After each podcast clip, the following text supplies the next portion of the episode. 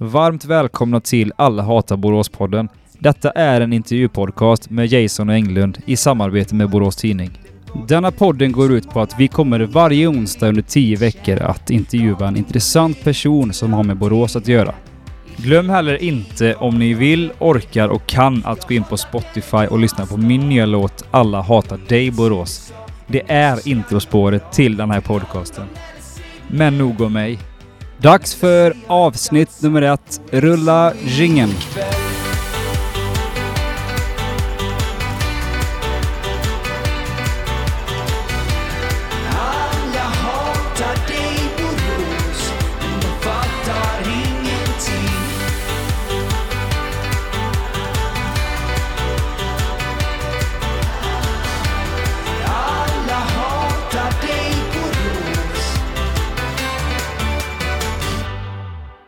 Två landskamper, två SM-guld, ett danskt ligaguld. Han har avgjort två svenska cupfinaler. Han har över 200 allsvenska matcher och över 60 allsvenska mål för Elfsborg. Han har varit utlandsproffs i Holland, Frankrike och Danmark. Varmt välkommen Lasse Nilsson. Tack så mycket. Applåd. Tackar. Stort, stort. Lasse, hur mår du? Jag måste börja med att fråga det. Jag mår väldigt bra. Ja, du ser bra ut. Tack du ser ut att må bra. du ser bra ut. Nej, det är väldigt Ja, det lät lite fel här. Du ser ut att må bra. Tack, Jag, ty- jag tror det är lite man crush. Ja, men jag har det faktiskt. Lasse Nilsson är ju en gammal idol. Det vet ju du om Lasse. Ja, tack så mycket. Vi, vi måste börja med lite snabbfrågor så att lyssnaren eh, får lära känna dig lite bättre. Även jag och Magnus då. Ålder? 35. Vart är du född någonstans? Jag är född i Borlänge. Eh, på Falu lasarett, tror jag i alla fall. Någonstans där. ja, men I, I Dalarna i alla fall. Det var en bra eh, födelse eller så eller? Det var inga komplikationer? Det tror jag inte. Jag var säkert besvärlig även då, men eh, jag har inte hört eh, några, några större klagomål. det här är skönt. Eh, Vi går in på familj. Jag har tre döttrar och en fru. Eh, sen har jag min mamma och, pappa, mamma och pappa kvar hemma i Borlänge, två bröder som är bosatta i Stockholm. Om du ska laga en riktig pangmiddag då till, till eh, mys med din fru, vad lagar du då för någonting? Eh, det blir något, eh, det blir något thai-aktigt ska jag tro. Eh, en sån här papaya-sallad. Eh, Thai silk eller? Precis.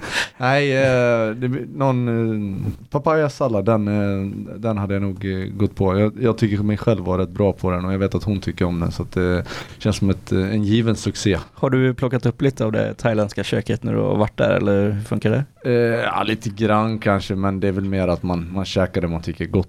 Eh, Lasse, din största hobby utöver fotbollen? Eh, det är, eh, jag tycker om att spela golf och sen är jag väl relativt musikintresserad också. Ja, du är det. Så de två. Då kan vi gå in på det direkt. Vad, har du någon favoritartist? Eller band eller? Eh, det blir mest hiphop faktiskt. Ja. Både nytt och gammalt. Ja, det här trap music som de kör nu är väl kanske inte riktigt min grej, Men hellre något lite äldre, typ Tupac eller Dre eller Ja. sånt där. Om du hade fått välja något annat yrke än eh, fotbollsspelare, vad hade du varit då? Rappare kanske? Ja, politiker tror jag. Ja, det, det behövs. Kan Det, behö- det behövs verkligen. Det behövs verkligen.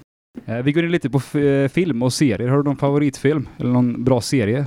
Jag gillar ju sci-fi. Eh, den här Matrix-trilogin har jag sett 25 gånger minst. Eh, sen den, den här som kom här för några år sedan, oh, nu ska vi komma på vad den heter också. Interstellar gillar jag ju. Ja, fruktansvärt bra alltså. Jag håller med helt alltså. Den är fantastisk. Serier, det blir liksom allt möjligt. Eh, inget, eh, inget speciellt. När filmen om Lasse Nilsson gör, vem spelar huvudrollen? Eh, oh. Herregud. Kan man få göra det själv kanske? Nej men eh, du måste ha en skådis här vet du. Eh, Matthew McConaughey då från Interstellar. Och han får snacka lite borländsk eh, dalmål. Det låter ju som en eh, dröm. Jag tror på det. Vilken är den bästa spelaren du har spelat med? beror lite på vad man eh, spel, Samtidigt igen hade vi ett superbra lag. och Då var det ju rätt många av de här killarna som, som är vassa nu. Eh, Payet och Matuidi. Spelar ni i Sentient igen? Ja. Jaha, det visste inte jag om. Eh, det, var, det var rätt många som var vassa där. Eh, men de var ju väldigt unga då. Eh, så vem som är bäst är jättesvårt att säga. Men, eh, Martin Andersson kanske? Martin Andersson eh, har ett, eh, en speciell plats i mitt hjärta men eh, han är nog inte den bästa fotbollsspelaren jag spelar. Nej, nej. Jag förstår. Om vi går över till motståndarsidan då. Eh, Den bästa spelaren du har mött? Den som imponerar mest på mig för stunden då när man verkligen lirar mot dem det var Drogba. Jag tyckte han var, det var ett riktigt monster och en eh, fantastisk fotbollsspelare. Hur var det eh, att möta honom? Nu mötte inte du honom som anfallare, men hur var det att, att se honom på nära håll sådär? Ja, det var en ganska rolig grej faktiskt. Vi, stod, vi skulle möta, det var nog en av mina, ja, jag spelar inte så många landskamper men det var en av de Jo, men jag minns det när du säger som det. jag fick vara med Ja. i alla fall. Eh, en riktig landskamp då som inte är de här eh, vinterturneringarna. Vi skulle möta Elfenbenskusten i Frankrike någonstans.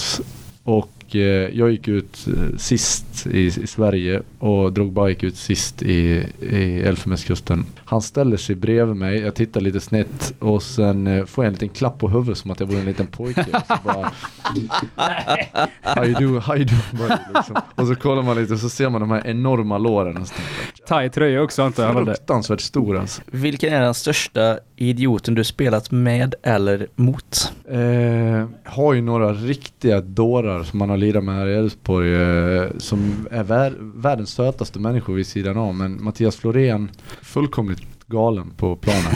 Och det gäller träningar också. Andreas Klarström här dit också. Eh, världens sämsta, inte bara förlorare utan världens sämsta vinnare också båda två. Så att de, det, det var ju sådana här som inte bara retar gallfebern på en utan även eh, ja, sparkar ner folk till höger och vänster när det inte stämde. Och, ja, de, de två de slår nog rätt högt på den listan tror jag. Eh, Lasse, den här podden handlar ju om Borås lite till viss del. Har du någon favoritplats i Borås? Nej, ingen, alltså Borås Arena, det är väl eh, Det är väl liksom där jag spenderar största delen av min tid och har alltid trivts väldigt bra med, i den omgivningen. Sen är, gillar jag hemma rätt bra också. Sandared eller Sjömarken eller eh, när vi bor i stan. Jag tänkte på Almenäs, ingen, är en plats du gillar också. För Abbas Hassan vet jag, såg han jämt där förr i tiden när han spelade i ett lag. Ja, Alltid ja, inoljad och så gick han runt där och spände sig. Men det, var, det kanske var hans hobby då med andra Kan ord. jag tänka mig. Men eh, nej, det är väl ingen, ja, det är ju ingen fel på Almenäs, men det är, det är ingen eh, personlig favorit.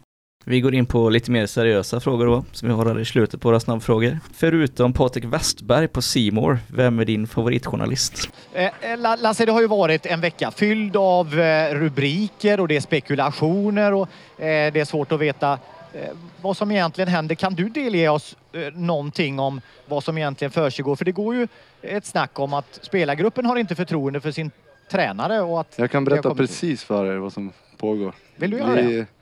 Vi kommer hit varje dag och tränar, eh, tränar hårt och, och gör vårt jobb och det är det som pågår. Men det som det pratas om att 22 av 23 spelare inte har förtroende för sin tränare. Ligger det någonting i det eller är det någonting som, som, som eh, ni spelare eller klubben kommer att leverera något meddelande till oss så vi vet vad som händer? Jag kommenterar inte det. Har du förtroende för Magnus? Jag kommenterar inte några, för några Nej, det är ingen fel på Patrik heller. Men eh, är- är det en seriös fråga vem jag gillar eller vem jag inte gillar? Jag vet om du gillar. Ja, alltså det, det känns som att de, de flesta journalister rör sig där någonstans i någon gråzon. Det är väldigt få man, man eh, känner att wow. Och det är väldigt få som jag inte orkar med heller. Det, är- det är liksom, det, blir, det är en del av, av vårt arbete att försöka hantera det. Och det, man lägger inte så mycket vikt vid vilka som är bra eller vilka som är dåliga. Och jag har framförallt varit jävligt duktig genom alla år och, och, och försöka hålla mig ifrån jag vet när jag har varit bra och jag vet när jag har varit dålig. Liksom. Eh, sen är det klart, ibland hör man ändå. Eh, men det behöver inte betyda att det är en dålig journalist för att han tycker att jag gjorde, eller hon tyckte att jag gjorde en dålig match. Så att, eh, nej, jag, jag vet inte faktiskt. Det är inga, ingen, ingen sådär som sticker ut eh, åt, åt något håll. Men du måste hålla med mig ändå att Anders Andersson, vet, du vet vem det är? Mm. Fruktansvärt tråkig, alltså kommentator. ja men ja, ja, fy, alltså jag Ja, förstår nu, Jag känner ju. Anders ganska väl så jag Ja. vågar inte säga någonting om det. Men, Men du gör ju kräktecken här bakom micken, varför gör du det? Alltså det är okej liksom och... Eh, nej, jag vet inte. Det är väl några av de här, det, det där är en helt annan sak. De här expertkommentatorerna, det är några, utan att hänga ut någon allt för mycket. Men det är många som är rätt dåliga i början. Sen kommer de in i det lite grann och det är ju klart att det är en vanesak också. Det är inte så jävla lätt. Eh, Men, eh, men, men i början eh, när ex-fotbollsspelare ska sitta som expertkommentatorer. det tycker jag- Stelt. Ja, jag tycker det låter, det låter sällan bra. Anders var helt okej faktiskt. Det måste jag säga också. Jag tycker han är grym faktiskt. Han har blivit duktig men han var faktiskt Ja. helt okej från början. Sista seriösa frågan här nu då. Vem hade du helst hamnat på en öde ö med? Donald Trump eller Anna Bok? Alltså det hade ju varit rätt skönt att hamna där med Donald Trump och så trycka ner några kilo sand i halsen. Det- det- jag, jag väljer det. Öva glidtacklingar. Det blir alltså, det blir inte Anna Bok då, det blir Donald Trump. Ja det får bli Donald Trump. Ja, men det är helt okej Lasse. Eh, Lasse, du har haft en eh, otroligt framgångsrik karriär med utlandsäventyr och SM-guld och danskt guld och, och allt vad det är. Eh, du måste berätta lite, var, vart startade den här karriären? Vilken klubb och hur gammal var du? Eh, alltså karriären startade hemma i hallen med farsan liksom. Stod och nötte volleys. Eh, men sen sådär så här klubbmässigt så var det nog Isling, Islingby IK i, i Domnarvet där, där jag bodde. Eh, som jag startade vid, vad kan vara det, 6-7 år eller något sånt där. Eh, Islingby? Det låter som någon sån här stad i Sagan om ringen. Islingby? Ja, Eller det från- från Island finns säkert kanske, många ja. likna, liknelser där. Nej, det, det, var, det är ett samhälle precis utanför Borlänge men av någon anledning så, så var det där eh, de som jag kände i vårt område, det var där de spelade. Så det var närmaste klubben kanske. Mm. Jag har inte reflekterat så mycket över varför det blev där men det, det var säkert att, eh, att polarna var där och lirade. Sen flyttade jag till eh, en annan Borlänge-klubb där i ett år eh, emellan eh, innan jag drog till, till Brage då, eller jag blev värvad blev man ju även på i den åldern. Eh, Vilken jag, ålder var det eh, du blev värvad? Ehm, jag tror att jag var 15. Det, det var många, elitsatsningen började lite tidigare. Eh, men min eh, mamma och pappa tyckte inte att, eh, att det var dags att elitsatsa på det sättet eh, ännu. Så att, eh, jag väntade ett år till och sen gick jag till Brage. Och sen gick det väldigt fort därifrån. Innan jag fick, fick debutera i A-lag och, och så vidare. Man tänker mycket på det idag när, när det finns så mycket scouter och sånt. Så alltså det blir ju vanligare och vanligare och, och de scoutar såna 6-7-åringar som ska... Ja.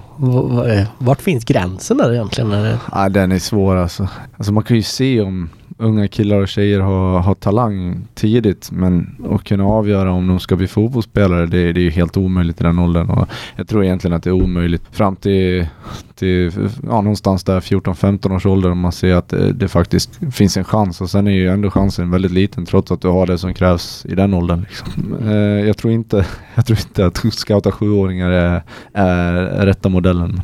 Nej, för, för vi vet ju det att, att eh, de, de första åren där så, så ju du inte med i de här eh, regionslagen eller vad man ska säga och, och sådär utan var väl kanske, nej, en late bloomer var du inte eftersom du var professionell så pass tidigt men Ja, nej det var alltså just det där handlar ju mycket om hur man, eh, hur man utvecklas i kroppsmässigt och växer och sådär. Och jag kom ju, jag var nog rätt först sådär talang eller vad man ska kalla det, var ju väldigt duktig i ung ålder och sen började de andra killarna växa och det gjorde inte jag. Och då tog det något år innan jag hann ikapp eh, och missade bland annat elitpojk och, och de här grejerna. Eh, nu tror jag i och för sig att jag hade brutit benet precis då men det var ju något, vad kallar man det, Svealandsläger innan som jag missade. Eh, då var det lite storvuxna hockeykillar som var med istället och det är väl som det är med det där. Brödbackar, har du mött sådana riktiga, du vet när du var liten, sådana här riktiga division 5-backar? Har du, har du känt på sådana någon gång? Nej, eh, nej, det var ju liksom inte riktigt på den, Nej. den nivån. De var ju inte så stora. Det är ju ändå små killar men de var betydligt större än mig. Men det har väl alltid varit så att de flesta har varit lite större. Jag är inte känd som någon linebacker direkt. Eh, Det är eh, ingen target forward. Nej, men din far däremot, Thomas Nilsson var ju en, en skyttekung i Brage eh, och landslagsspelare också. Eh, satte han mycket press på dig som ung eller var det du själv som satte mycket press att du skulle bli lika bra som honom? Nej, jag fick faktiskt ingen press alls hemifrån, inte eh, idrottsligt. Eh, Däremot eh, var min mamma väldigt hård med att eh, ställa krav akademiskt och se till att klara av eh, skolan på ett bra sätt. Eh, bland annat så vägrar de att släppa iväg mig eh, till Blackburn som ungdomsproffs. Jag kommer inte ihåg vad det var för år men jag var ju väldigt ung då. Det, det var inte läge, man skulle gå klart gymnasiet. Det var... Nej, så jag har inte fått någon, eh, någon press från farsan på det sättet. Skönt det. Ja. Skönt det. Bara morsan då alltså. Ja, ja, i så fall då. Eh, Men när du kom upp där i Brages A-lag då som, som ung speta då, var, var det mycket rackartyg från de äldre? Alltså det här med snärt i duschen och pissbomben och de här klassiska eh, sakerna. Var det mycket sånt eller? Eh, ja, jag tror där är ju, eh, det är ju en enorm skillnad eh, för unga killar att komma upp i elitfotbollen idag än vad det var på den tiden. Det var säkert ännu värre om man går tillbaka. Jag har hört eh, historier från min, min pappa och, och hans eh, kompisar hur, hur det var på den tiden och, och det var ju det har eskalerat tänkte jag säga men det har det definitivt inte gjort utan det har gått åt rätt håll kanske man får säga ändå. Man, jag har ju en rätt skön anekdot där med när jag precis första eller andra veckan i, i Brages A-trupp så Anders Sjö var lite så här stjärna i, i våran trupp i norrettan där och han hade spelat i, i Västerås i Allsvenskan och eh, så ja, en vanlig träning. Vi spelade två mål och så tunnlade jag Anders Sjö, spelade ifrån mig bollen. Eh, någon sekund efteråt så försvann benen bara och, och jag tänkte vad, vad fan hände här liksom? Eh, det, det slutar med att han tar tag i mitt hår och drar upp mig från marken. Och, eh, och kollar mig sådär iskallt argt i ögonen och säger gör om det där en gång till då sparkar jag av dig benen. Ja, det låter som en lördagkväll hemma hos oss.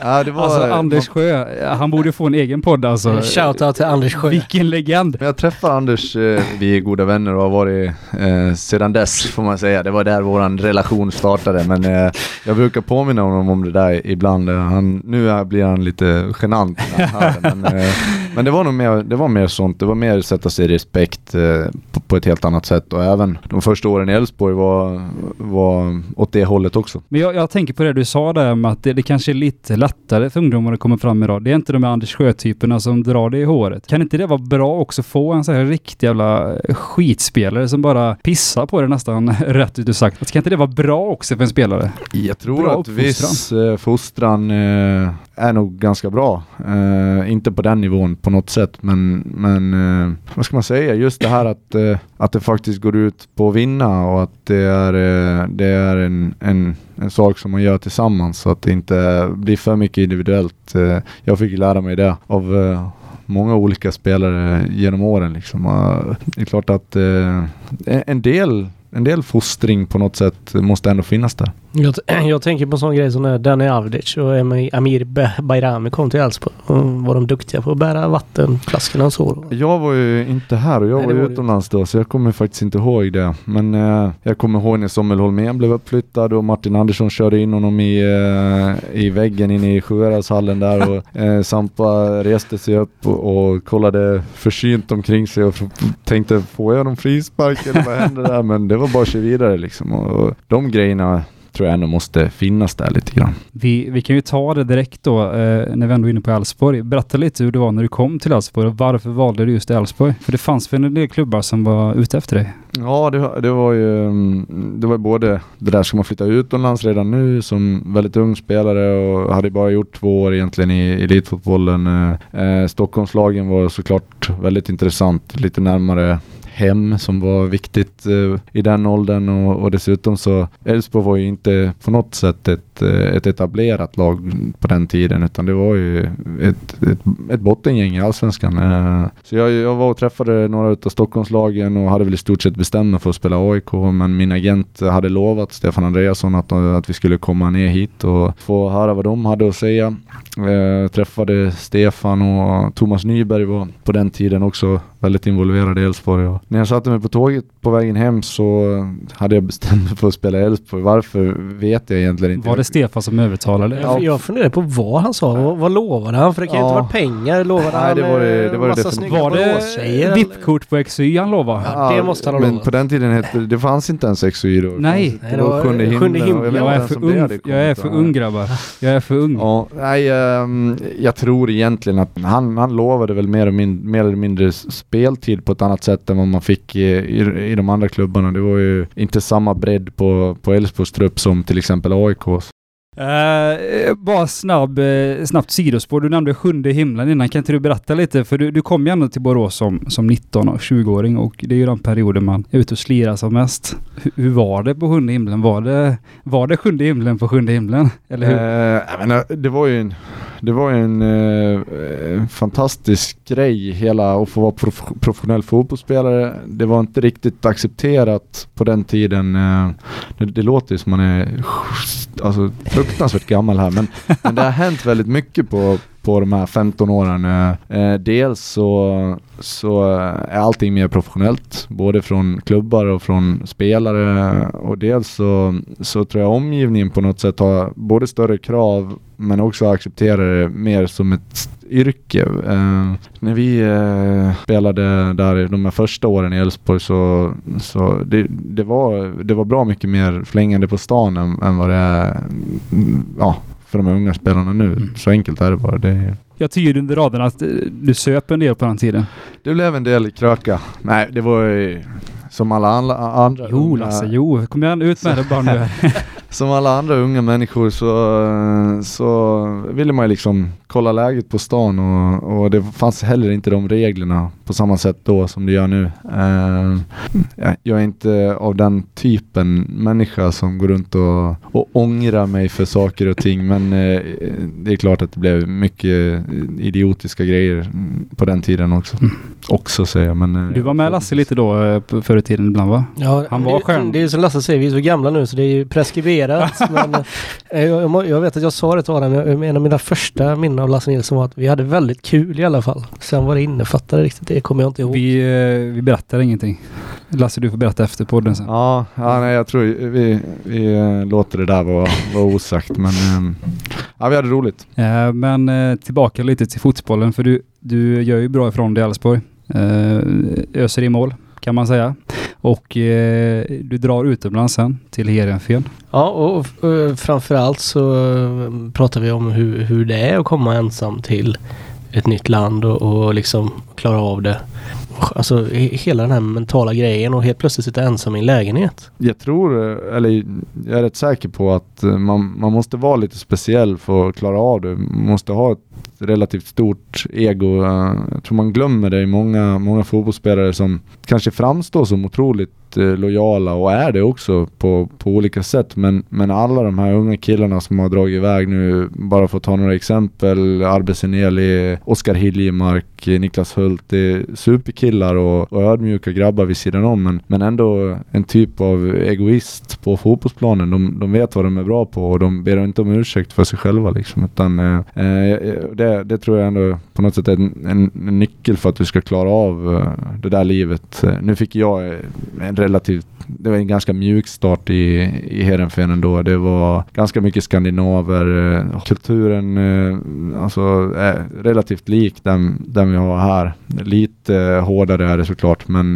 men nej, jag, triv, jag stormtrivdes redan från dag ett egentligen. Ja, men för det, det är ju det att man börjar ju en idrott och då spelar man med sina kompisar. Först väldigt lokala kompisar och så även när man kommer upp till Brage så är man kanske kompisar i Älvsborg, man är kompisar. Men det är ju klart en helt annan sak när man eh, faktiskt tävlar och det handlar ju om väldigt mycket pengar så då tävlar man ju verkligen om en plats.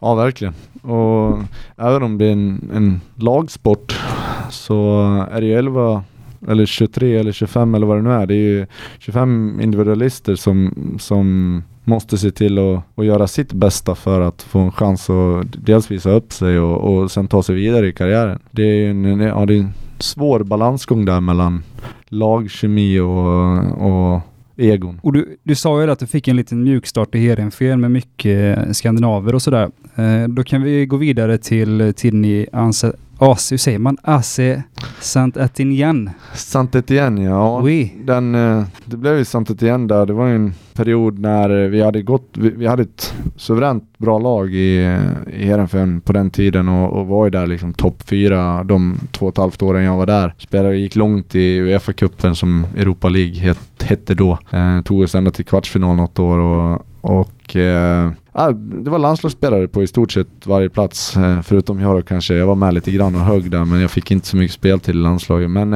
eh, det slutade med att jag fick, fick eh, göra ett mycket mål och, och assist och till slut så kände man Heerenveen är ett väldigt, väldigt litet ställe. Som jag sa, det var en mjuk start. Det var en perfekt eh, start på, på utlandsäventyret. Eh, men man tröttnade ändå relativt fort eh, på, det blev mycket pendla. man var inne i Amsterdam så mycket man bara kunde och, och um, kände mig rätt klar med, med Heerenveen efter två år. Sen tog det ett halvår till innan, innan de accepterade och något, några av de bud som kom in. eh, och till slut så stod jag där egentligen med, med Real Betis och eh, Santetien då.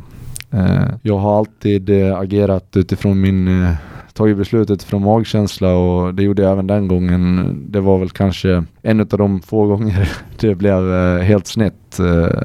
Men jag, jag ångrar inte det heller om jag ska vara ärlig. Det var, det, var väldigt, väldigt lärorikt i Frankrike ändå. Bra cash har jag hört att det var också. Ja, det var ett, det var ett helt okej kontrakt jag skrev. Du var klass här med, du har pensionen klar och allting efter den eh, trippen va? Ja, det var, det, var, det var väldigt bra pengar men det var ju också, eh, man kan säga att utgifterna ökade brutalt eh, när inkomsterna blev som de blev. Vad var det dyraste du köpte? Alltså, vad kan man säga? Köpte du någon bil eller någon dyr klocka eller? Hus till sin mamma är tydligen det vanligaste. man Ja, köper. det är lite sådär klassiskt. Ja, Min mamma hon hade ett hus redan så jag behövde inte göra det. Nej, jag köpte mycket dumma grejer i början där. Det, Mm. det gjorde jag verkligen. Tänk lite, dr- droppa någon. Eh, Eh, nej men jag spontant köpte en bil till exempel och eh, så att eh, det var väl ingen supersmart affär men nej, det, är heller ingenting. Det, det blev som det blev liksom och man, man lärde sig av det också. och som du sa, det blev ju inte riktigt eh, så som du har tänkt dig där. Och eh, du blir sen utlånad till lite klubbar, bland annat till Ålborg där du får vinna guld. Och där du hade Erik Hamrén som tränare. Hur Mm. var Erik Hamrén som tränare? Eh, då var ju det precis vad jag behövde. Jag hade ju haft eh, Eh, en tränare som Dels så pratade han ingen engelska i Frankrike vilket var eh, li- lite problematiskt. Jag hade tolk eh, första halvåret där. eh, eh, eller det var inte min tolk men eh, jag hade, en- det var en kille som Det var det dyraste du hade köpt Så, var en tolk. precis. Så, nej, han ingick i staben och, och skulle hela tiden vara med och översätta på möten och så vidare. Så det, det blev ju rätt mäckigt och, och dessutom så ville han ganska fort göra om mig till en, till en ensam striker som skulle stå med ryggen mot mål och jag kände väl ganska fort att det här kommer nog inte att funka. Så då fick jag komma till Danmark. Eh, det var jag inte alls sugen på kommer jag ihåg, men det blev så ändå av någon anledning. Eh, det var ju suveränt kul. Eh, det var ett supergäng de hade där. Det var, det var liksom aldrig något snack egentligen. Vi, vi vann den här ligan ganska, ganska enkelt. Nu var jag bara med fem, sex månader där men, men äh, det var ett eh, kanonminne och Erik var, var i det läget precis vad jag behövde. Sen var det väl fysiskt var det jävligt jobbigt. Eh, jag Spela i stort sett varje match på, på sprutor och, och, och det var inte läge att komma och, och gnälla där när de hade betalat massa pengar för att jag skulle komma på lån under en kort period och, och försöka vinna guld åt dem. Så att det, var, det var bara att bita ihop och, och så försöka och, och rehabilitera under, under sommaren sen. Du blir också lånad till eh, Vitesse som är en eh, holländsk klubb. Och, eh, och där går det ju faktiskt väldigt bra. Och du blir uppköpt också. Och det känns som att du får igång karriären på nytt där igen. På riktigt. Ja, det var, det var skönt att komma tillbaka till, till Holland. Eh, först var det väl bara tänkt som en som en eh, utlåning i, i väntan på att eh, saint Etienne skulle få lite ordning på vem som skulle träna och, och hela den biten. Eh, men eh, efter ett halvår, eh, det, det gick väldigt bra och vi trivdes väldigt bra. Eh, så bestämde jag mig för att jag ville vara kvar där.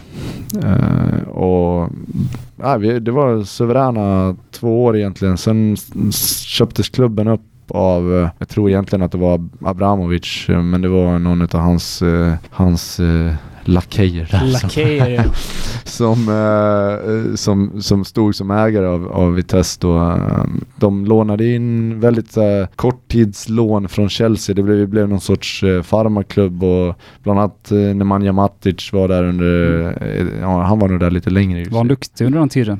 Ja, han var fantastisk. Han var det? Ja, det var eh, det var en, en grym fotbollsspelare, är fortfarande såklart. Eh, men då det blev väldigt struligt. De, eh, de bytte eh, tränare tre gånger eh, under väldigt kort period.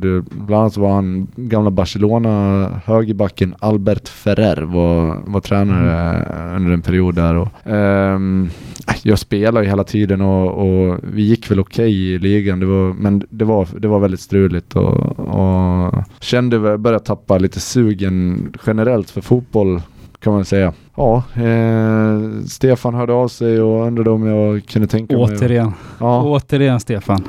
eh, jag var väl ganska så skeptisk. Eh, jag vet att ja, det var en Feyenoord hade också ringt samma vecka och det kändes väl ganska lockande. Men samtidigt så var det där, okej, okej, ett halvår och sen tappade jag sugen igen. Uh, men uh, kändes väl som att det som skulle kunna få mig att brinna till ordentligt, det var att, att, att spela för någonting som man bryr sig om och, och kolla liksom höger och vänster i omklädningsrummet och, och känna att man brydde sig om de som satt där också. Och så blev det verkligen. Det, det var, ett, var ett jädra lyft att, att komma hem och försöka vinna ett guld åt Elfsborg igen.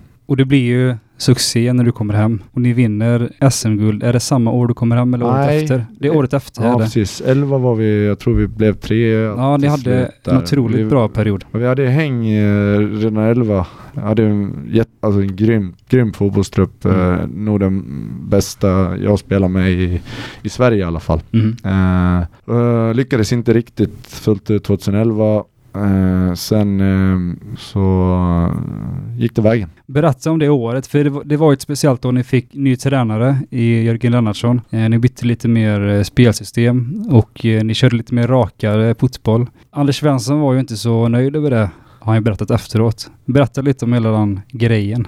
Ja, alltså jag är väl av den eh, åsikten, eller är av den åsikten att jag, jag, ty, jag älskar att vinna och hur det ser ut är mindre viktigt och jag hade heller inte det perspektivet på det då kanske som Anders, han såg väl lite mer, lite större perspektiv, eh, lite mer hur klubben fostrar sina spelare, vad man vill, vill att det ska vara för typ av fotbollsspelare som kommer upp och det la jag inte så mycket vikt vid. Jag ville vinna SM-guld och, och det Jörgen gjorde då funkade och det vi gjorde tillsammans funkade superbra. Vi spelade lite enklare, lite rakare, inte på något sätt kontringsfotboll men, men eh, ja, rakare mot mål. Det var inte så omständigt. Jag, jag har alltid funderat på det. Jag är ju som sagt basketkille och där, där kan ju coacherna kalla timeout och man kan prata väldigt mycket med sina spelare. Man kan ändra spelsystem väldigt lätt under matchen och sådär. I fotboll så tänker jag mer, de står där och gestikulerar och skriker lite men hör man ens vad de säger? Eller kan, kan en riktigt bra tränare ändra en matchbild i fotboll? Det, Ja, helt säkert. Man ser på, på vissa tränare hur de eh, har liksom ett eh, system för hur de ska få ett avbrott i matchen. Att eh, helt plötsligt ligger det någon någonstans eh, och ser skadad ut och så springer alla spelare till, till bänken, de andra, medan han får behandling och så, så får de en, en ändring i, i system eller i vad det är för typ av, eh, typ av matchbild och, och så vidare. Så att det, det går absolut. är det någonting som är lika förekommande i svensk fotboll? För nu pratar vi väl om de absolut bästa på absolut högsta nivån eller? Uh, ja, det finns i svensk fotboll också. Senast uh, när vi mötte uh, Örebro hemma så det var faktiskt det exemplet jag tänkte på när Alexander Axén, det var han, vad hette han, eh, ja, Lorentzon som helt plötsligt hade jätteont i, i någonstans. Och två fysioterapeuter sprang åt ena hållet och tio fotbollsspelare sprang åt andra hållet och så de kom tillbaka lite in i matchen efter det men jag tror ändå vi vann till slut men det, det, det går ju och sen går det ju det är klart att du kan få ut eh, direktiv till enskilda spelare och, och, och sen förhoppningsvis klarar de av att korrigera resterande. Som sagt, vi var inne på tränarfrågan och, och ni vinner guld och eh, man får ändå säga att han gör ett fantastiskt bra jobb, Jörgen, som, som tar guld första året. Eh, hur var dina känslor när slutsignalen gick sista matchen? För du var ju helt tom i blicken. Man såg att du var liksom knappt glad. Du Nej, var mer tom. Ja, det, det var verkligen sådär bara lättnadskänsla. Det tog flera dagar innan jag kunde känna att, eh, att man var glad över det. Eh, det, var, det, var, det var mer att man, man satte sig ner, okej, skönt, vi klarar av det. Nu kan man få slappna av lite grann.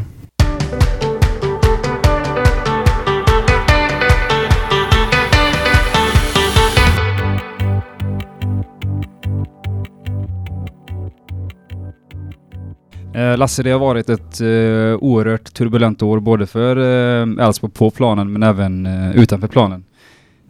Ni har gått tungt i år och Magnus Haglund fick ju sparken här för någon vecka sedan. Ehm, men jag vill veta lite, jag vill ta det tillbaka lite. För under dina år, senaste två åren, så har det inte blivit så mycket speltid för dig. Och vi kan ta ett exempel när du hoppar in mot Östersund här i år och du gör mål. Du, eh, matchen efter så avgör du mot AFC. Eh, sen får du inte spela mer. Eh, och jag tror att många undrar vad som hände under den perioden och även innan. Eh, finns det några svar? Eh, ja, det, det gör det ju såklart. Eh, sen är ju det, är- det är lite svårt att, att verkligen eh, sätta eh, någon, någon eh, exakt eh, det hände eller det hände eller vad det nu kan, kan ha varit som, som gjorde att vi hamnade där, vi, där jag är idag så att säga. Men, eh, men eh, eh, ska man gå tillbaka, man får ju nästan gå tillbaka till till starten när, när eh, Magnus kom tillbaka så, så hamnade jag och han eh, ganska fort eh, lite snett. Eh, jag, jag ville eh, försöka vara en, eh, en drivande kraft eh, runt träningar och på planen och, och mitt typ av, av ledarskap kan man säga var inte riktigt eh, det han önskade. Jag, ah, man kanske är lite, lite old school där. Jag, jag ville gärna eh, att, att vi skulle kunna ja, ha väldigt högt i tak och kunna ställa höga krav på varandra och, och ville även att, att eh, han skulle ställa högre krav på oss. Men eh, Eh, det, det är möjligt att det kom ut eh, fel vissa gånger och, och så vidare men, eh, men det, det gjorde väl i alla fall att, att ja, jag blev illa tvungen att ta ett, ett steg tillbaka i både i Eftersom, ja, eftersom jag spelar mindre så blir det naturligt att, att man tar ett steg tillbaka på det sättet. Men, men ja, också, också liksom släppa fram andra, andra killar försöka, då får, då får andra försöka driva det framåt på, på ett annat sätt eh, som kanske är mer önskvärt. Och jag, eh, det blev som det blev och jag, jag ångrar liksom inte eh, det på något sätt utan jag är den jag är och ja, det, det ibland, eh, ibland så, så eh, är det till min fördel att jag, att jag är frispråkig och ibland är det inte. Och det finns säkert, finns säkert liksom aspekter på det där. Man kunde ha gjort eh, vissa saker annorlunda men, men summa summarum var att, att det ledarskap jag stod för var inte önskvärt och, och då blev det också ja, uttryckte han ju tydligt också att det, det påverkar min speltid och det, det blev så. Men vad, vad var det du sa? För du sa att du ställde mycket högre krav till Magnus. Var det någonting speciellt du sa som gjorde att på något sätt det var droppen? Eh, nej, det tror jag inte. Sen så måste man ju tillägga också, det, det, det är ju både... Eh, det, det, var inte, det var inte bara fotbolls, fotbollsrelaterat men, men det är självklart att, att fotbollen har ju en del i det också. Alltså att eh, den typen av fotboll vi, vi eh, eller Magnus ville spela, det, det innebar mycket inlägg. Det var den typen av fotboll vilket jag eh, inte tycker att jag är speciellt bra på och är heller inte den typen av fotboll jag tycker om att spela. Eh, det, det finns andra egenskaper i andra spelare i, i våran trupp som, som då passar bättre in i det. Så att det, det var en, en del i det också, eh, såklart. Men visst har det känts som att, ja men som du sa nu att det är både fotbollsrelaterat men det finns också kanske en, en personlig sak där er emellan. För att jag, det har ju funnits matcher som sagt, du har gjort bra ifrån dig när du har spelat i år men eh, sen ändå har han valt till exempel Imi Bayrami på anfallet och inget emot Imi Bayrami men han är ju ingen anfallare och det säger han själv också.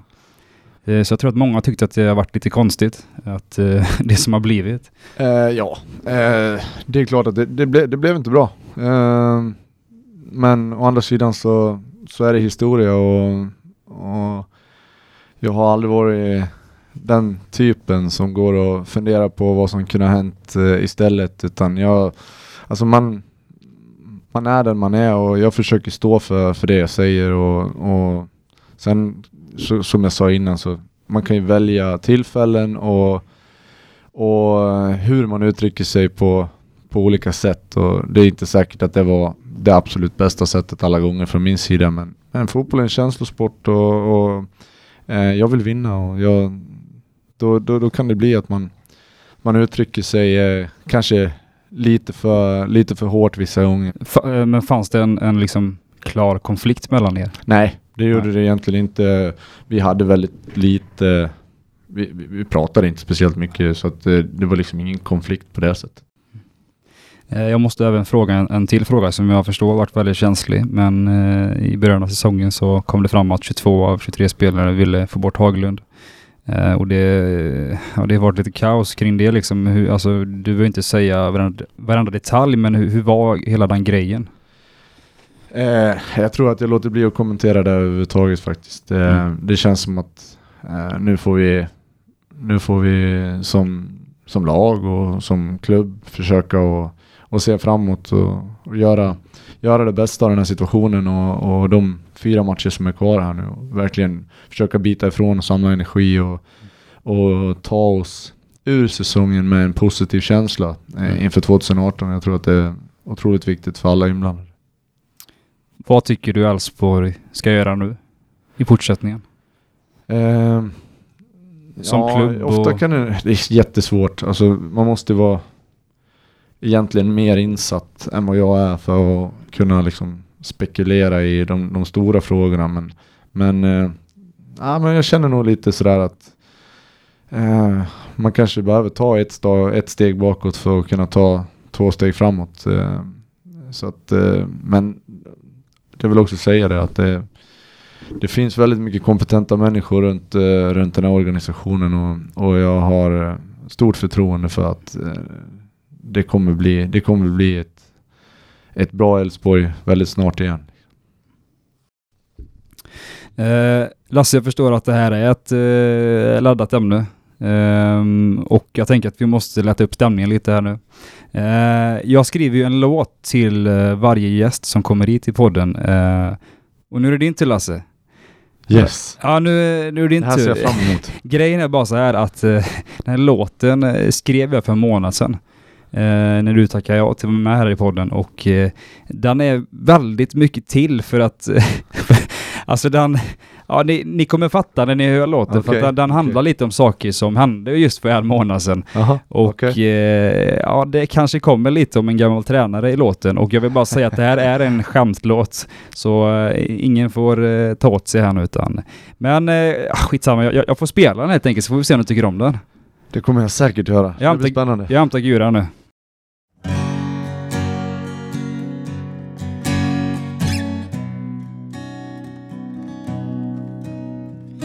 Minns när du kom till Elfsborg, du var talang. Men du var för bra för Sverige och du försvann. I Holland så blev du stjärna i ditt lag. Och jag tror inte människor fattar hur bra du var. Den här låten är inte bara till Lasse och att bollen den är rund. Denna låten är också till dig, Magnus Haglund.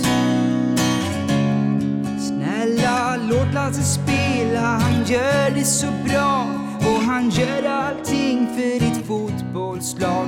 Dessutom är han väldigt snäll och mycket snyggare än broder.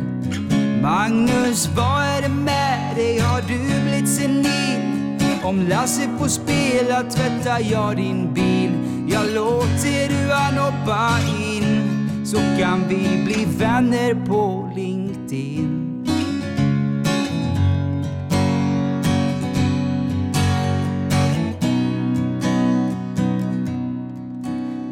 Gjort många mål men också många barn. När du spelar i Frankrike längtar du till knallestan. Den här låten är inte bara till Lasse och hans fotbollsrakade ben. Denna låten är också till dig, Samuel Holmén. Om Lasse inte får spela kan du visa stil och swisha en summa till Lasses mobil. För det kan vara en misär att bli pensionär. I Turkiet så blev du ju inte så bank. Fick du pengar i påse eller på din bank? Lasse, du är kungen på vår tro. Får du inte spela mer? Betalar Samuel Holmén din pension? Magnus Haglund, lyssna på mig.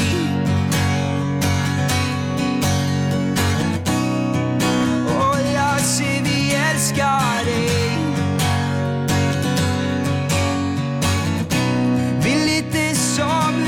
Betala någonting så kan Bayrami steppa in. Lasse, vi älskar dig.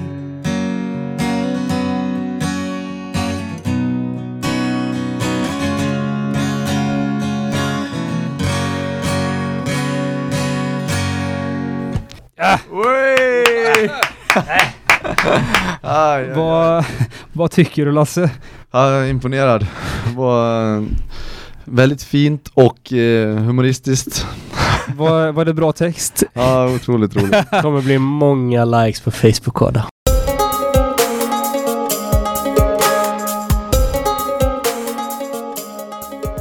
Vem tycker du är den skarpaste fotbollstränaren i Allsvenskan?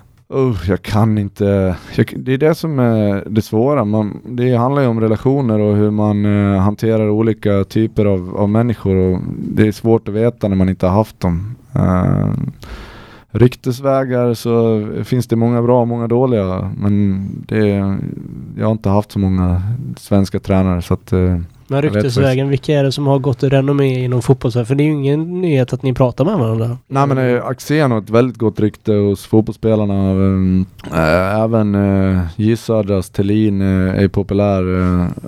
Pia Sundhage. ja, hon har nog gott rykte också. Skulle, skulle du eh, kunna tänka dig ha en kvinnlig tränare? Ja definitivt. Jag tycker Ja. det där, den där frågan blir liksom det är som alla andra delar i, Jag håller med i, i helt. Jag håller samhället. med att, eh, det- som ledare, det handlar ju om att få människor att och, och dra åt samma håll och Mm. uppenbarligen är hon bra på det liksom. Ja, vi väntar ju på första kvinnliga tränaren i herrallsvenskan. Ja, Eh, Johanna Almgren. Det tror jag med. Absolut. Där har vi ett varför namn. inte?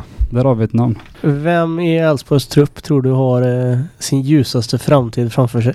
Eh, jag är ju svag för Simon Olsson. Eh, Det är en, en, en härlig personlighet och sen har han ju ett första touch som är enormt. Det är inte en speciellt snabb fotbollsspelare, men han skapar sig själv tid eh, utan att det ser ut som att han behöver... Ah, allting ser så effortless ut. Det är liksom han har ingen ansträngning i någonting han gör utan det, det bara flyter på. Sen är han ju ung och det blir lite misstag här och där men, eh, men eh, nej, det, jag har svårt att se att det inte ska gå långt för honom. Det finns många andra killar också som, som är duktiga. Jag tycker, tycker vi har ett helt gäng på, på ingång liksom. Jag måste bara även snacka lite om Anders Svensson, när vi ändå är inne på lite spelare. Hur, hur var det att spela med Anders Svensson? Och jag, tänker faktiskt mer som, som människa, för alla vet ju hur bra han var. Hur, hur var han att ha som lagkamrat? Man har hört ganska mycket historier om att han var eh, ganska jobbig att ha att göra med, har ju många eh, sagt. Till att börja med så, jag och Anders stod inte jämt alltid. Eh, det blev ju lite mm, motpoler på, på vissa sätt. Eh, men vi var väldigt duktiga på att trigga varandra, att det liksom kom något positivt ut av det varje gång. Uh, I övrigt så, så tyckte jag inte Anders var, var svår, utan det, det är väl mer att eh, en sån stor fotbollsspelare, att han spelar så många år i Sverige, det, det är unikt. Jag kan aldrig tänka mig att det kommer hända igen. uh, och fortfarande håller sån hög nivå landslags internationellt också. Så att eh, eh, det blev väl kanske en, en situation där han var lite större än klubben nästan och, och den blir ju svårhanterad eh, kan jag tänka mig. Men som, som lagkamrat, att nej inga problem. Eh, dessutom så så är jag förvånad över hur mycket jag saknar honom nu. Eh, den här liksom starka rösten och, och pådrivaren. Jag lyssnade på en P1-dokumentär som, som var just om Anders Svensson och då, då frågade intervjuaren lite om ja, sådär, eh, Stefan Andreasson faktiskt, vad, vad han tyckte om Anders Svensson och sådär. Och då, då sa Stefan lite så här att ja men du kan ju jämföra det med en chef som håller ett morgonmöte och så sitter en i personalen och ifrågasätter det varje gång. Vad hade hänt med den personen? Jag han fått lämna företaget direkt. Om du ifrågasätter chefen. Nej, men så kan vi inte göra. Vi borde göra så. Och det är ju lite den rollen Anders har haft. Uh, och jag tyckte det lät lite konstigt för att uh, jag tror att vi behöver mer sådana som, som säger emot. Just i och med att han har så mycket kunskap också. Men uh, för dig som har lite mer inside, kunde, kunde han säga emot på, på ett fel sätt kanske?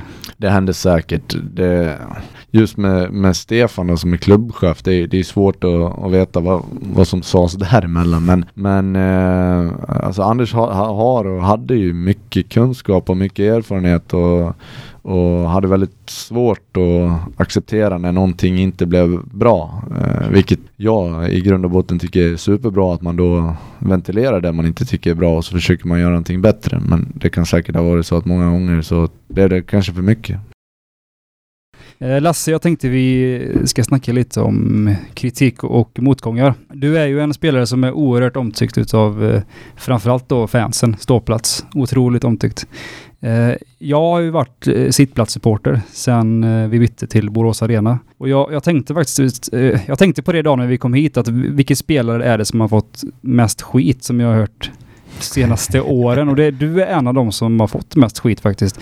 Och det är, det är framförallt de här gubbarna som, som klagar på dig. Är, är det någonting du själv har hört? Eh, jag hör det ju inte under matcher, men det har inte undgått. Man har ju kompisar på sitt plats eh, också liksom och eh, familjemedlemmar och så vidare. Så att det är klart att man i längden förstår att det finns sådana delar av, av publiken som, som uppskattar det jag gör mindre än andra. Det är svårt det där för att jag har alltid känt att det handlar liksom om att väcka känslor hos människor och vi håller ju på med underhållning.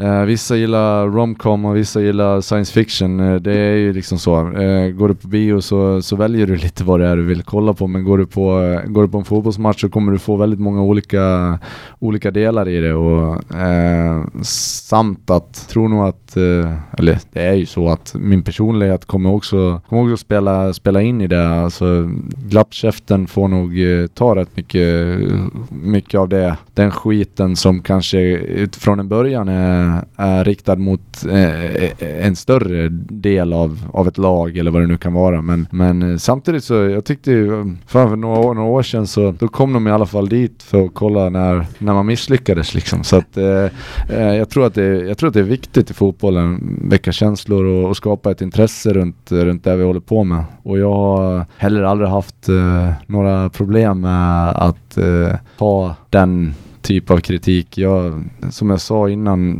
och har sagt många gånger att jag spelar fotboll för att jag tycker att det är kul och jag spelar för mig själv till att börja med. Sen att det finns de som tycker om det jag gör, det är fantastiskt. Om du nu får chansen ändå att sitta där i podden, vad, vad vill du säga till den där klassiska gubben på sittplats som sitter och säger Lasse spring nu för helvete! Vad, vad vill du säga till honom? Alltså för att förstå att du, att du är duktig liksom. Ja, men, ja, jag har ju faktiskt ingen... eh, Eh, jag, jag vill faktiskt inte att han ska tycka det utan jag tycker, det, jag tycker man ska uppskatta att, eh, att det finns olika, eh, ja, olika typer av eh, vad, vad man gillar. Man, man gillar olika typer av fotbollsspelare, olika typer av fotboll och, och om, om man väcker känslor så, så kommer ju folk dit och, och tittar i alla fall. Så att eh, eh, han, eh, han den gubben eh, får gorma bäst, bäst fan han vill tänkte jag säga. Ja, men men- det, det är bättre att bli, att bli ihågkommen än som till exempel Anders Sjö som kanske, så, som man hör typ 20 år senare i en, i en podcast liksom. Man, man, vill Nej, inte, men- man vill inte vara Anders Sjö. Så men kommer jag det tror- ju vara. Alltså hellre hatad och, och, och älskad än bortglömd. Ja, nej, men eh, jag tror jag insåg väldigt tidigt eh, just fotbollsvärlden att det, det går liksom inte att vara omtyckt av alla. Och ju tidigare du accepterar att, att du inte är det, desto lättare är det också att hantera. Och det, det slog mig väldigt tidigt som ung. Jag förstod ju att eh, snackar man så, så kommer man få käka upp sina ord ibland. Och det, det var ju helt fine med mig och är fortfarande. Eh, det är som det är. Skulle du kunna tänka dig att träna Elfsborg någon gång i framtiden? Skulle du kunna bli fotbollstränare? Nej, jag, eh, man ska aldrig stänga några dörrar men, men eh, just tränarbiten eh, eh, jag tror inte att det är min grej liksom. Jag, eh, jag ser ingen, ingen framtid i det, den delen av, av fotbollen. Eh, jag tror att jag kommer att... Eh, nah, man har nog säkert en tå kvar på något sätt inom fotbollen men försöka ta lite avstånd ändå sen när man slutar eh, och försöka göra andra saker. Det finns ju mycket annat i livet än fotboll. Liksom. Göteborg ringer nästa år. De säger så här, Lasse du, eh, Tobias Hysén ska sluta. Du får en... Du kommer spela, du kommer få speltid. Ja, vad, nej, vad det- gör du då? Nej, den är ju tvärstopp på. Alltså. ja, bra, Det- nej, bra. Nu är det många som jublar Det är spontana applåder. Ja, det är bra. Ja, nej, alltså det, det, det har ju hela tiden varit, jag har ju varit under kontrakt. Eh, nu går mitt kontrakt ut och, och då, då ställs man ju inför andra frågor. Men eh, de frågorna jag ställdes inför när jag var under kontrakt och hade andra klubbar som jag skulle kunna spela i, eh, då vägde det hela tiden över för Elfsborgs, eh, för, för deras sida liksom. Och för våran sida blir det. För att jag känner mig fortfarande som, som en Elfsborgare.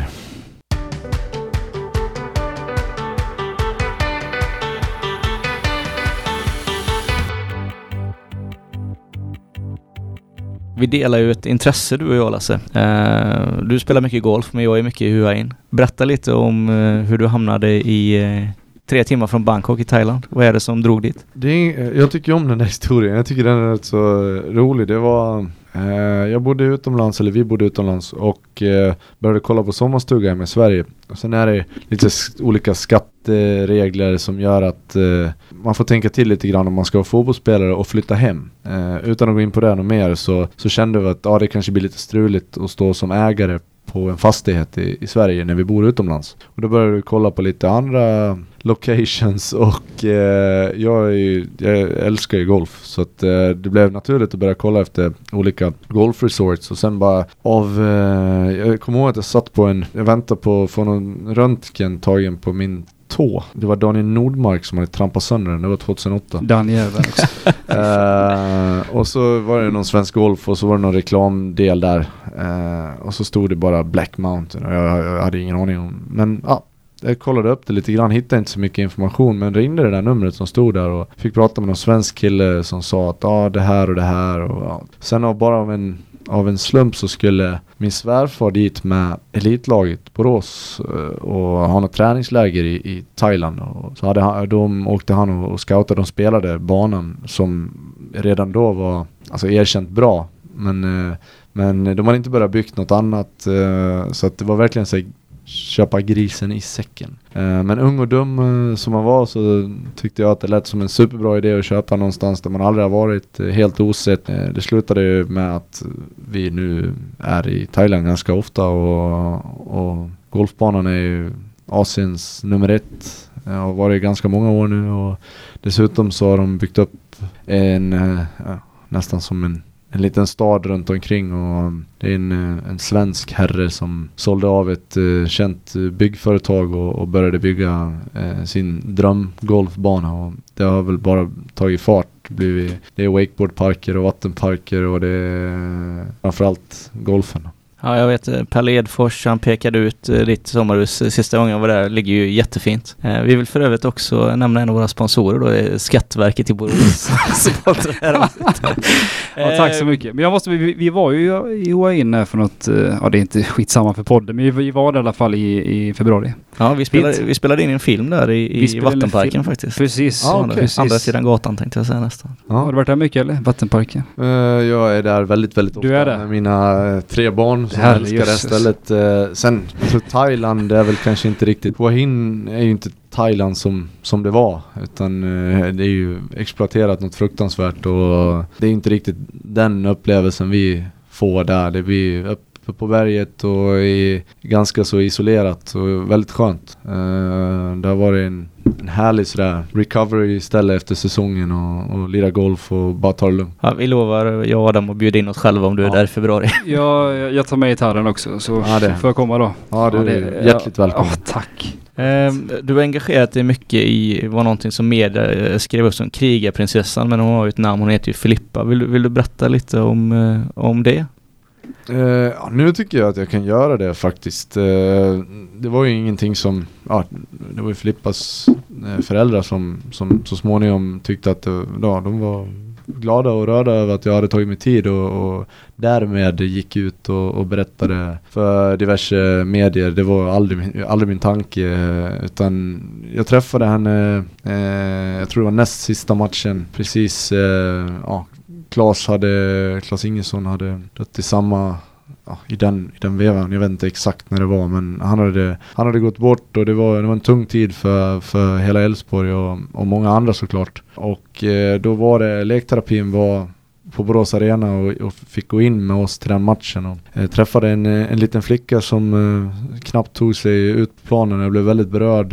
Eh, dels, ja, som vi pratade om innan, man har barn själv och eh, och dessutom då med, med Klas nära på, på, på näthinnan där liksom. Så att eh, eh, det tog rätt hårt på mig och bestämde mig efter sista omgången. Vi fick eh, bronsmedalj tror jag som för mig inte var värd någonting. Eh, det kändes som, som eh, att vi hade förlorat de här ädlaste medaljerna och kände, tänkte, tänkte väl att kanske var någon annan som skulle tycka om den här medaljen mer än mig och eh, då sa jag det till Erik Sjölin, våran SLO, att eh, jag skulle vilja ge den till henne och då hörde han av sig och frågade om, om jag fick komma upp och lämna den och en tröja och, och på den vägen är det och Filippa mår, eh, hon har krigat sig igenom både det ena och det andra och eh, har, eh, har nu slagit eh, det mesta utan att säga för mycket men hon, hon är, eh, hon mår bra nu och det är fantastiskt att se den här, eh, få, få se hela, hela resan. Ja det, det blir lite svårt att prata om men, men ja, fantastisk liten tjej och, och eh, väldigt glad att jag bara fick vara med och, och, och påverka lite grann. Det är kul att kolla på det när du berättar om det här för att Mm. du, du, du ler och det, det, det blir någon typ av värme och det känns som att det här var det, riktigt, riktigt genuint. Vi har ett eh, stående inslag i podden också. Eh, vi kallar det miljondollarfrågan. Det är ett väldigt omtyckt eh, inslag också. och eh, det här är alltså en autentisk fråga från Who wants to be a millionaire för en miljon dollar. Och eh, Kom igen nu. Självklart så, så har man ju då, man har ju sina livlinor. Vi har ringen vän som vi har då valt, är Fredrik Berglund. Så du måste ringa Fredrik Berglund. Och gärna i podden, det blir bra podd. Ja, bra podd. Nej men du får, du får inte Jag är ringa. rätt nöjd. Jo, det Eh, får du. Det får Han är du. relativt eh, allmänbildad Fredrik. Det kanske man Ja. inte riktigt tror men, eh, men han, eh, han kan en hel del. Sen kan man välja då på 50-50. Eh, vilket också är bra. Du, du har ju alla livlinor kvar såklart på Mm. miljondollarfrågan. Mm. Och den trevliga livlinan kommer jag inte ens ihåg vad det är. Jo, det är ju Fråga publiken som Fråga är vi publiken. då. Och den är ju Eh, vi. Det är vi. Och Magnus har ju svaret i handen så, så det är ganska smart att göra det. Den är tveksam.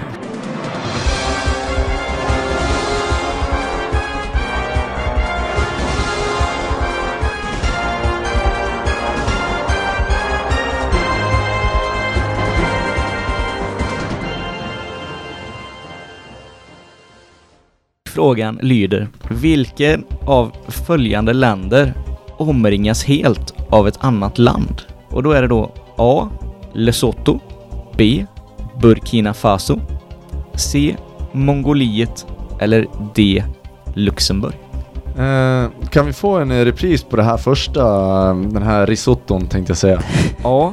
Lesotho B. Burkina Faso C. Mongoliet eller D. Luxemburg. Ja men eh, nu eh, blev det ju lite lättare där.